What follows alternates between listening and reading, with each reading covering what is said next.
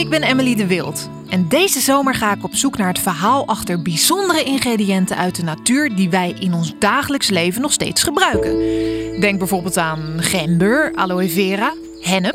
En dat doe ik dus niet alleen. Nee, nee, dat doe ik samen met mijn vriend Philippe. Ja, hallo, hi, hi, hi. En samen met Philippe struin ik door deze tuin vol met verhalen. Oh, oh, Emily. Ja? Zeg niet zomaar verhalen tegen de legendarische geschiedenis achter eeuwenoude natuurlijke ingrediënten die wij tot op de dag van vandaag gebruiken. Ja, maar wist jij bijvoorbeeld dat aloe vera door Aristoteles is ontdekt aan het begin van onze jaartelling? Nou, je hoort het al. Philippe die weet dus alles over de verhalen uit de natuur.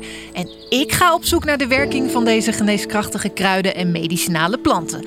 En hiervoor krijg ik van Holland Barrett toegang tot een gids met meer dan 150 jaar aan kennis. Dus ik zou zeggen, abonneer je op deze podcast en mis niks.